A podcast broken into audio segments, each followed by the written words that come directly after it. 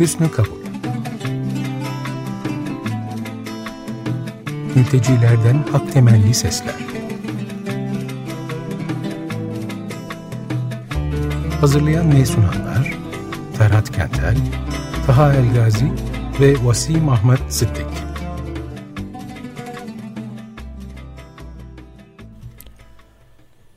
Merhaba, günaydın herkese. Burası Açık Radyo 95.0. Ferhat Kentel, Taha El Gazi ve ben Vasim Ama Sediki ile birliktesiniz. Ee, ben de merhaba diyorum. Günaydın herkese. Taha evet. gerçi bugün katılamayacak galiba aramıza ama en azından e, çünkü e, İzmir'de süren bir dava var. Güzelbahçe'de e, yıkılan Suriyeli gençlerle ilgili olan davada öğleden sonra bunun muhtemelen hazırlığı var. Muhtemelen bir dahaki haftada e, o mahkeme üzerine de konuşuruz herhalde diyerek topu tekrar sana vereyim. Evet e, e, aslında bu duruşmaya bir çağrı da var e, bugünle ilgili 16 Kasım 2021 çarşamba günü yani bugün. Yine İzmir'in Güzelbahçe ilçesinde e, Ahmet El Ali, e, Mamun El Nebhan ve Muhammed Elbis'in e, yakılarak öldürülmesine ilişkin açılan e, davanın beşinci duruşması e, ve e, yeri İzmir'in e, birinci ağır ceza mahkemesi e, saat 14'te olacak. E, tüm duyarlı kamuoyunu, insan hakları savunucularını destek ve dayanışmaya çağırıyoruz. Um, şimdi e, geçtiğimiz e, haftada e, Hannah Arendt ile ilgili konuşmuştuk. E, yine o konuşmaya bağlı, o konuya bağlı um, Frans Fanon'la devam etme ihtiyacı duyduk. Uh, bunun nedeni uh, önceki yayınımızda Fanon'un çalışmasına özellikle uh, 1961 yılında yayınlanan yeryüzünün lanetlerini e, az tartışmış olmamızdır. Bu nedenle bu kez e, Frans Fanon'a biraz daha odaklanıp şiddet kavramları ile birlikte Fanon'un tekrar tekrar yazdığı tanınma ve meşruiyetin çıkmaz e, bir paradoksal bir yer var Fanon için. Bu kavramı tartışmaya çalışacağız. Ve bu meseleleri tartışırken e, yani bu kavramlar, hayati kavramlar diyelim tartışırken Arendt'le yeniden e, diyalog kurmaya çalışacağız. E, bu nedenle bugün biraz daha yakın bir okuma e, yapmaya çalışacağız hep birlikte. Şimdi çok küçük bir alıntı aslında Achille Mambe Cameronlu Fransa'da okumuş e, postkolonyal kuramcısı. Metamorfor, e, metamorfik düşünce Frans Fanon'un makalesinde şöyle yazıyor. Fanon'u ilgilendiren şey insanlıktan çıkaran e, sömürge bağlamının bilgisi ve bunu sona erdirecek araçların bilgisiydi.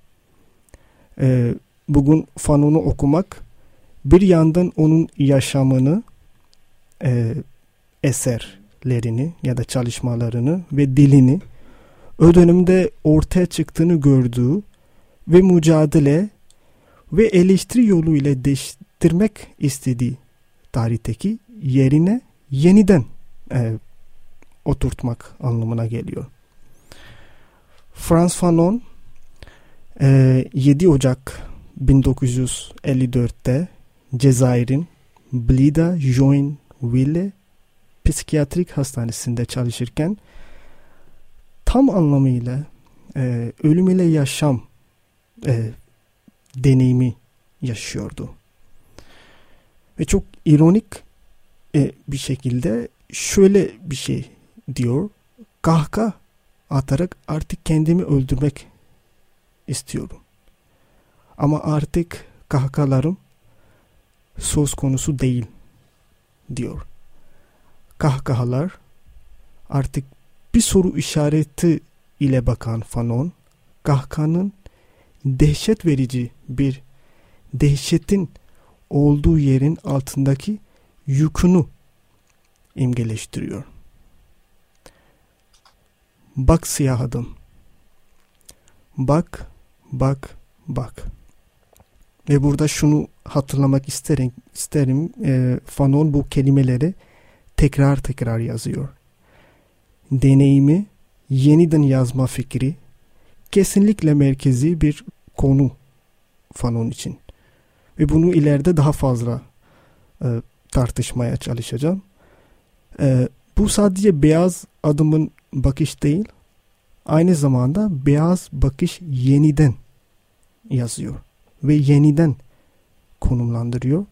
Onu yeniden etkinleştirerek etrafında tersini çeviriyor.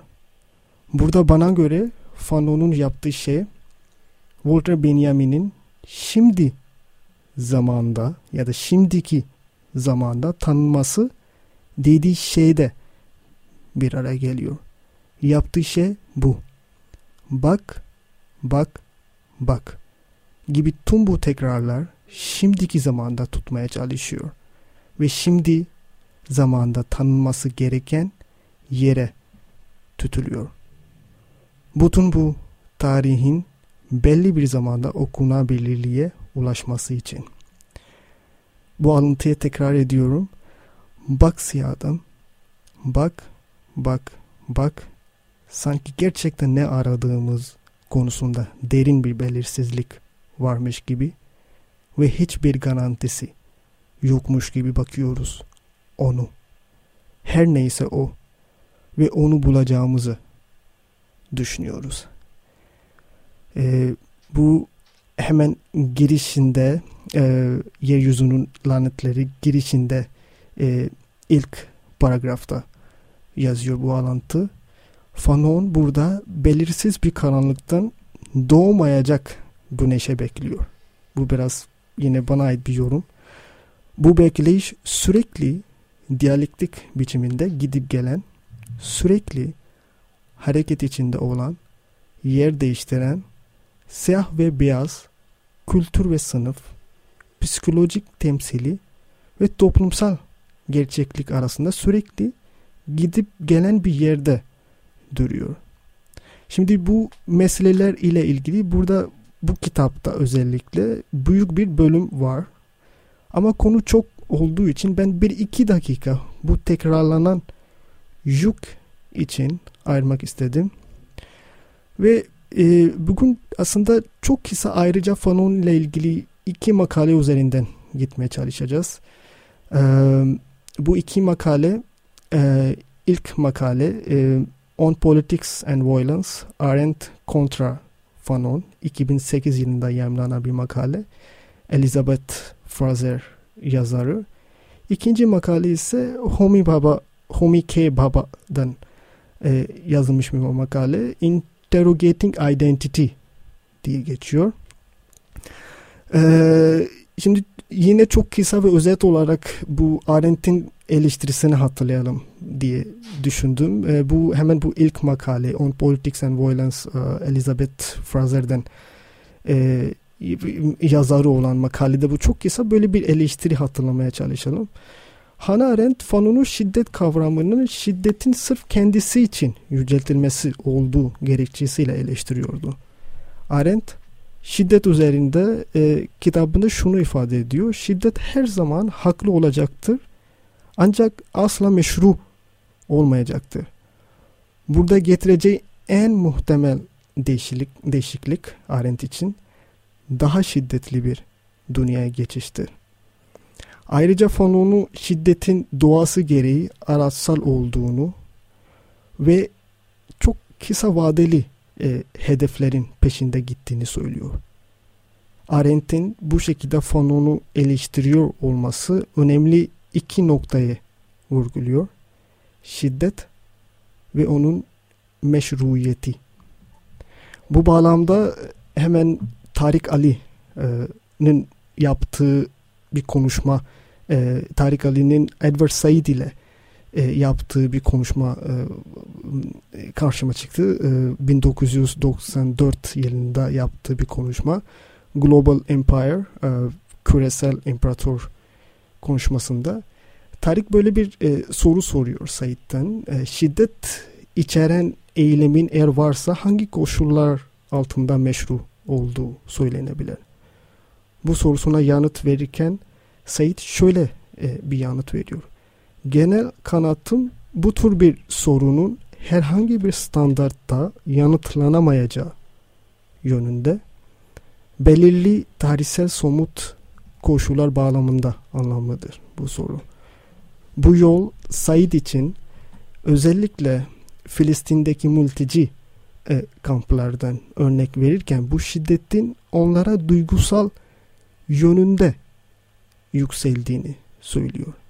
Burada Said'in söylediği şey bu meselenin sadece sürü gelen soykırım ya da şiddetin yönünde değil, bu soykırımın hala tanınmadığı ve sorumluluğu alınmadığı yöndedir. Şimdi burada e, yine bir ara vereceğim, burada bırakacağım. Çünkü tanınma, sorumluluk, şiddet ve duyguların olduğu yerde aslında doğrudan fonuna geçeceğiz. Ama burada bir yine e, Ferhat Hoca'ya söz vereyim. Küçük bir ara verip. Ee, teşekkürler Vasim bu giriş için. Ee, bayağı yoğun ve derin bir muhabbete girdim. Ee, şöyle bir şey söyleyeyim. Yani bizim en azından bu programın e, genel çerçevesi mantığı açısından gözden kaçırmamamız gereken ya da aklımızda tutmamız gereken bir şey.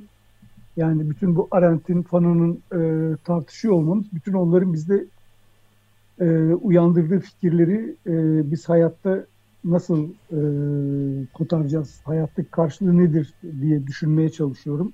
Yani bunlar gayet din açıcı teorik tartışmalar ama şöyle bir şey geliyor.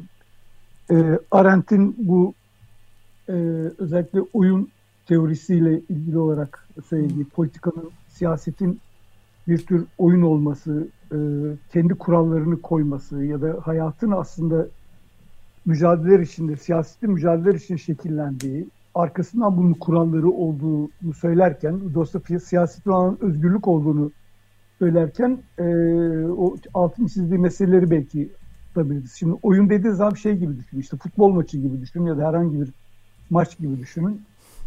Ee, evet UEFA'lar falan FIFA'lar bir takım kurallar koyuyor da bu top oyunu daha çok öncesinde insanlar yuvarlak bir şeyin peşinde koşarken kurallar oldu. Biz arkadan onu e, offside'lar, touch'lar, bütün işte goller vesaire falan gibi sınıflandırdık.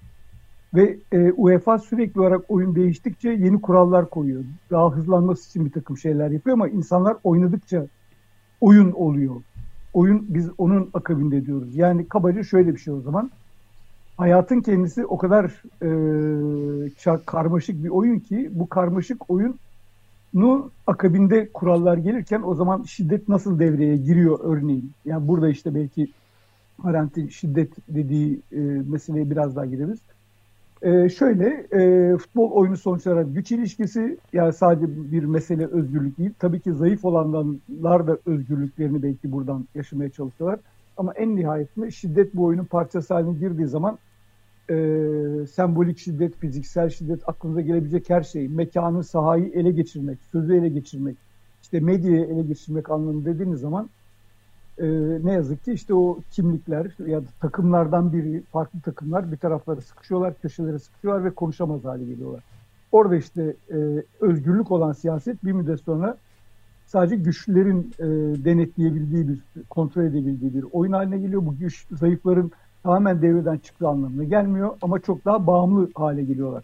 İşte kabaca biraz hızlı bir geçiş olacak belki ama e, bir toplumda ezilenler, altta kalanlar, mülteciler, kenara itilenler da aslında böyle bir oyunun parçası. Bu kenara itilenler mülteciler üzerinde de e, uygulanan şiddet, sembolik şiddet, duygusal şiddet ne varsa hepsi galiba işte e, bir tür e, o siyah adamın, fanının e, siyah adam bak bak bak dediği e, şey aslında belki bir yandan aynı şekilde beyaz adama da yönlendirilmesi gereken bir hmm. soru. Yani beyaz adama da bu çağrıyı yapmak lazım. Bak bak bak.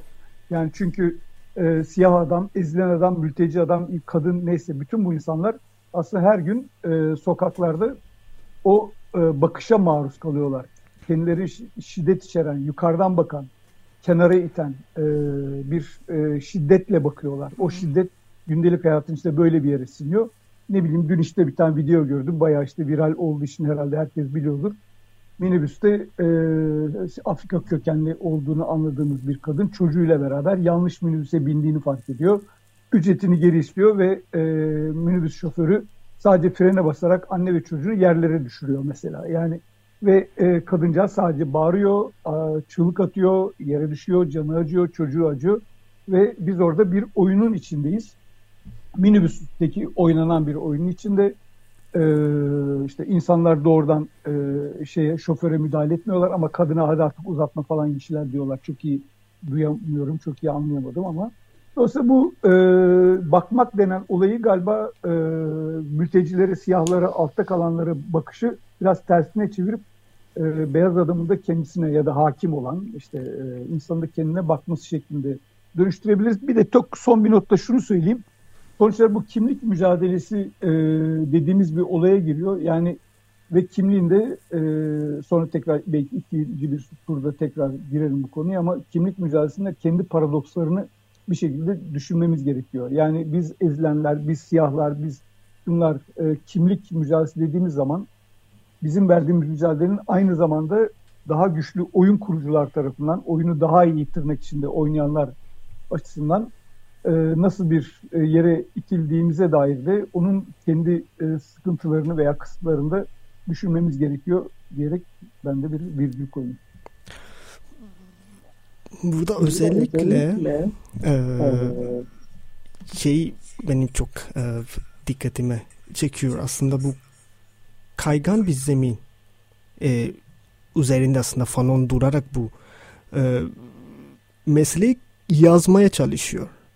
Yani aslında bu yazım şekli e, çok tuhaf bir şekilde kavramsal bir dünyanın olmadığı bir anda e, sizin de bahsetti. Ama diğer tarafında e, o gücün o yükün altından bir şekilde kalkmaya çalışıyor ve bir anlatı kuruyor e, orada. Yani bu anlatı bir e, kurgusal bir anlatıya mı dönüşüyor daha sonra? Bunu şimdi kavramsal olarak düşündüğümüzde Arendt için mesela bu eleştiri e, ön göremediği yani o belki tarihsel olarak e, o, o bağlamda okumak belki çok önemli. Burada kimlik meselesi de öyle. E, şöyle diyor aslında şimdi burada beyaz siyah e, ikilem var. Çok gerilimli alanlar bir yanda. Ama onun için Fanon için o dönemde e, yine e, 1960'larda e, her gün beyaz adamın gözleriyle her an yüzleşmek zorunda kaldım. Tanımadığım bir ağırlık üzerime çöktü. Kendime kendi varlığımdan çok uzaklaştırdım. Başka ne olabilir ki? Bir kanama şapkasının tüm vücuduma siyah kan sıçratmasından başka bir şey değil mi?'' diyor. E, Fanon yine e, Yeryüzünün Lanetleri kitabında. E, bu kelimeleri baktığımızda aslında yaşananan aslında yine kavramsal o elit bir anda dünya diyelim. o düşünsel olarak sürekli düşünen bir dünya diyelim. Ama e, bana öyle geliyor Fanon'un o konum aslında Arendt'ten e, farklı olarak e, bir anlatı kurma biçimi. O anlatının da e, bir yerden sonra takip edilemiyor olması. Yani o kadar çok şeylerin aynı anda e, gördüğü için herhalde ya da tanık olduğu için e, biliyoruz aslında 1950'lerde aslında e, ce, Cezayir'e giderek e, Fransızlara karşı savaşan ana direniş grubu olan FLN yani Ulusal Kurtuluş Cephesi'ne katılıyor. Ve e, yine Cezayir'de aslında psikiyatri olarak çalışıyor ve şunu diyor bu bana çok e, çarpıcı geldi. Aslında bu deneyimler, bu tanıklıklar beni birey olarak dönüştürdü diyor. Yani bilmiyorum. Bu bana çok çarpıcı geldi. Onun dışında şunu diyor son. Bu, bu da çok e, e, bunu da sizinle paylaşabilirim. Diyor ki Cezayirli kurbanlardan kurbanın ayağa kalkıp karşılık verdiğinde şunu fark ediyor. O artık bir kurban değil. E, Fanon burada gerçek gücü, şiddeti veya direnişi tasvir etmesinde yatmıyor diyor. Bu onun milliyetçilik anlayışında ve milli bilincin tuzaklarında yatmaktadır. Aslında o kurbanın yine ne kadar e, bir tür çıkmaz ve kaygan bir zeminde olduğu gösteriyor aslında. Yani ona karşı tepki verdiği anda ondan bir fark kalmıyor.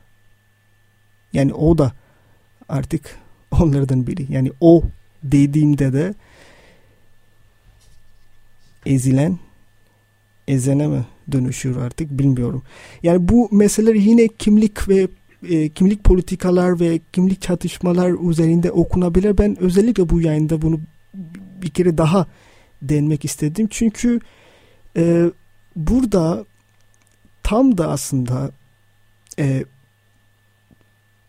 progresif olmayan bir şey var aslında. Yani şu an e, günümüzde e, tartışılan mekansal bir tür mekansal olmayan mekansal olarak çok zor okunana ama zamansal olarak içinde gömülü e, ve orada saklı bir yer. Aslında bir bu, bu, bütün bunlar etkiler ve tesirler aslında. Ben onu bu şekilde okumaya çalışıyorum. Ee, çünkü bir yine Fanon'un aslında e, burada bir ısrarcı bir e, tavrı da var. E, bu kelimeleri art arda ve tekrar tekrar yazıyor olması e, bana çarpıcı geldi. E, e, bilmiyorum. Basit şöyle bir e, devreye girebilir miyim? E, şöyle bir şey düşünüyorum. Cezayirli e, direnişi, Fransız sömürgeciliğine karşı e, savaşan Cezayir direnişçi, işte onlarla e, birlikte mücadele etmeye giden Frans Fanon e, ve o mücadele içinde pişerek e, bir kimlikle birlikte aslında çok Arendt'in dediği şey de birlikte oluyor. Yani oyun oynayarak aslında bir şeyin parçası haline geliyorsun. Oyun oynayarak kendisini kendini e, aktör e, olarak gerçekleştiriyorsun. Oyunun kendisi özgürlüktür e, gibi bir sonuca vardıktan sonra şunu da göz önünde tutmak lazım sanıyorum. E, e, bütün o e, Fransız örnek olarak işte Fransız sömürge ortamı, e, her taraf Fransız bayrakları, işte Fransızca konuşmak esastır. İşte bütün Fransız kültürü e, Cezayirlisiniz ama tarih dersi anlatılırken işte 4. Henri Fransız devrimi falan anlatıyorsunuz gibi. E, bütün mekana, söze yansımış olan bir şey var. Bir başka dil var. Hı. Siz de bu dilin içinde o ana kadar hep bağımlı değişkendiniz, bağımlıydınız. Siz ancak ona uyum sağlıyorsunuz. Dolayısıyla bu aslında şöyle bir şey getiriyor. Sen e, basit küçük Cezayirli bir e, öğrenci insan olarak sürekli büyük abinin efendim e, sözlerine ve mekan tasarımlarına mahkumsun. Ondan sana gelenler altında var olmaya çalışıyorsun. Dolayısıyla bunun kendisi e, kelimeyi kullanmakta sorun yok herhalde. Bir şiddet çünkü. Ben kendi varlığımda olamıyorum. Sen bana kendi dünyanı şiddetle bastırıyorsun. Bana bütün e, her şeyi bununla anlatıyorsun. Bunun sonucu nedir? Ben aşağılanıyorum. Ben kendi yapmak istediğim, anlatmak istediğim dilimi vesaire falan konuşamıyorum. O mekanda ben var olamıyorum. İşte en önemli sorun da orada başlıyor. Benim bu aşağılanmakla yaşamış olduğum en aşırı durumlarda tabii daha güçlü travmalar şeklinde devreye giren bu e, duygu hali benim e, oyun içinde e, alternatif bir duyguya ulaşmak için verdiğim mücadeleyle birlikte aşağılanmadan çıkıp aşağılamaya doğru giden artık yani Fransızlar aşağılayan olmaktan çıkıp e, benim yurdumdan atmam gereken bir takım aşağılamaya da başladığım bir takım yaratıklar haline dönüşüyor. Dolayısıyla o anda işte şey başlıyor. O kadar çok aşağılandım o kadar güçlü bir duygusal yük e, yüklendim ki bundan kurtulmak için ancak aşağılayarak devreye harekete geçebileceğim. Ya yani oyunun kendisini artık en önemli dinamiklerden, en önemli duygusal e, enerji e, sağlayan şeylerden biri aşağılanma, utanç, hınç ve bunu aşmak için öfkeyle beraberinde giden dolayısıyla işte en kabaca basit ifadesi yani şiddetin şiddeti üretmesi ve yeni bir tahakküm yolunun oluşturulması şeklinde oyun sürüyor. Oyun yeniden yeniden yeniden e, inşa olmuş oluyor. Evet Arendt'in de yani bir çeşit intikama dönüşmüş olduğunu söyleyerek bir eleştiride bulunduğunu geçen haftaki toplantıda söylemiştik zaten değil mi? Evet, evet, evet. Evet, tam da öyle bir şey herhalde. Yani inanılmaz aslında tam da bu meseleleri düşünürken bizim de her an düşebileceğimiz alanlar da bir anda gösteriyor. Çünkü bütün bu yaşananlar ve bunun üstünde kavramsal bir şeyin yükleniyor olması e, anlam biçiminde aslında e, bir yerlerde aslında zor bir duruma düşüyoruz gibi de geliyor bana. Ee, özellikle şimdi bugünlerde aslında düşündüğümüzde ne kadar çok şey oluyor etrafımızda. Yani e, Gazze'de olup bitenler var ama hemen yanı başımızda daha dün gördük. Likya yolunda yeni bir otoyol projesi başlıyor. Yani e, e, şimdi bütün bunları aslında mesafeli ve burada yine şey e, Fanon'un kavramını kullanacağım. Fanon mesafe diyorum onun için o mesafe aynı anda e, nasıl e, dert edinebiliriz her şeyi. Yani o yük aslında biraz da bir anda öyle bir yük aslında. E, ne kadar progresif olmayan bir şey görünse de bence e, hala fonunu bugünlerde düşünmek kıymetli geliyor ve yayınımızın da sonuna geldik. Değil mi Ömer abi? Evet. Evet. Ee, bir tek Özdeş programdan önce bir e, son dakika haberi söylemişti ama onu e, programda söylediniz mi açık gazetede yoksa Yok hayır söyleyemedik. Ee, yarın daha fazla e, girme fırsatı buluruz. Ben sadece başlık olarak söyleyeyim. Anayasa Mahkemesi Suriyeli göçmen bir Suriyeli göçmen hakkındaki sınır dışı kararına hak ihlali e, demiş. Bu da önemli bir gelişme. Anayasa Mahkemesi tarafından alınan bu karar. Yaşa evet, diyeceğim. Yarın mutlaka ele almalıyız. Evet. evet. Oyuna giren yeni bir bileşen diye düşünmek lazım bunu galiba. Evet. Şimdi e, programımızın sonuna geldik. Bu sabah da size bir şarkıyla baş başa bırakıyoruz. Şarkının ismi Mare Anarchy. Şarkıcı Moby. E, kendinize iyi bakın. E, haftaya çarşamba günü saat 9.30'da yine görüşmek dileğiyle. Çok teşekkürler herkese. Görüşmek üzere. Hoşçakalın. Hoşçakalın. Görüşürüz.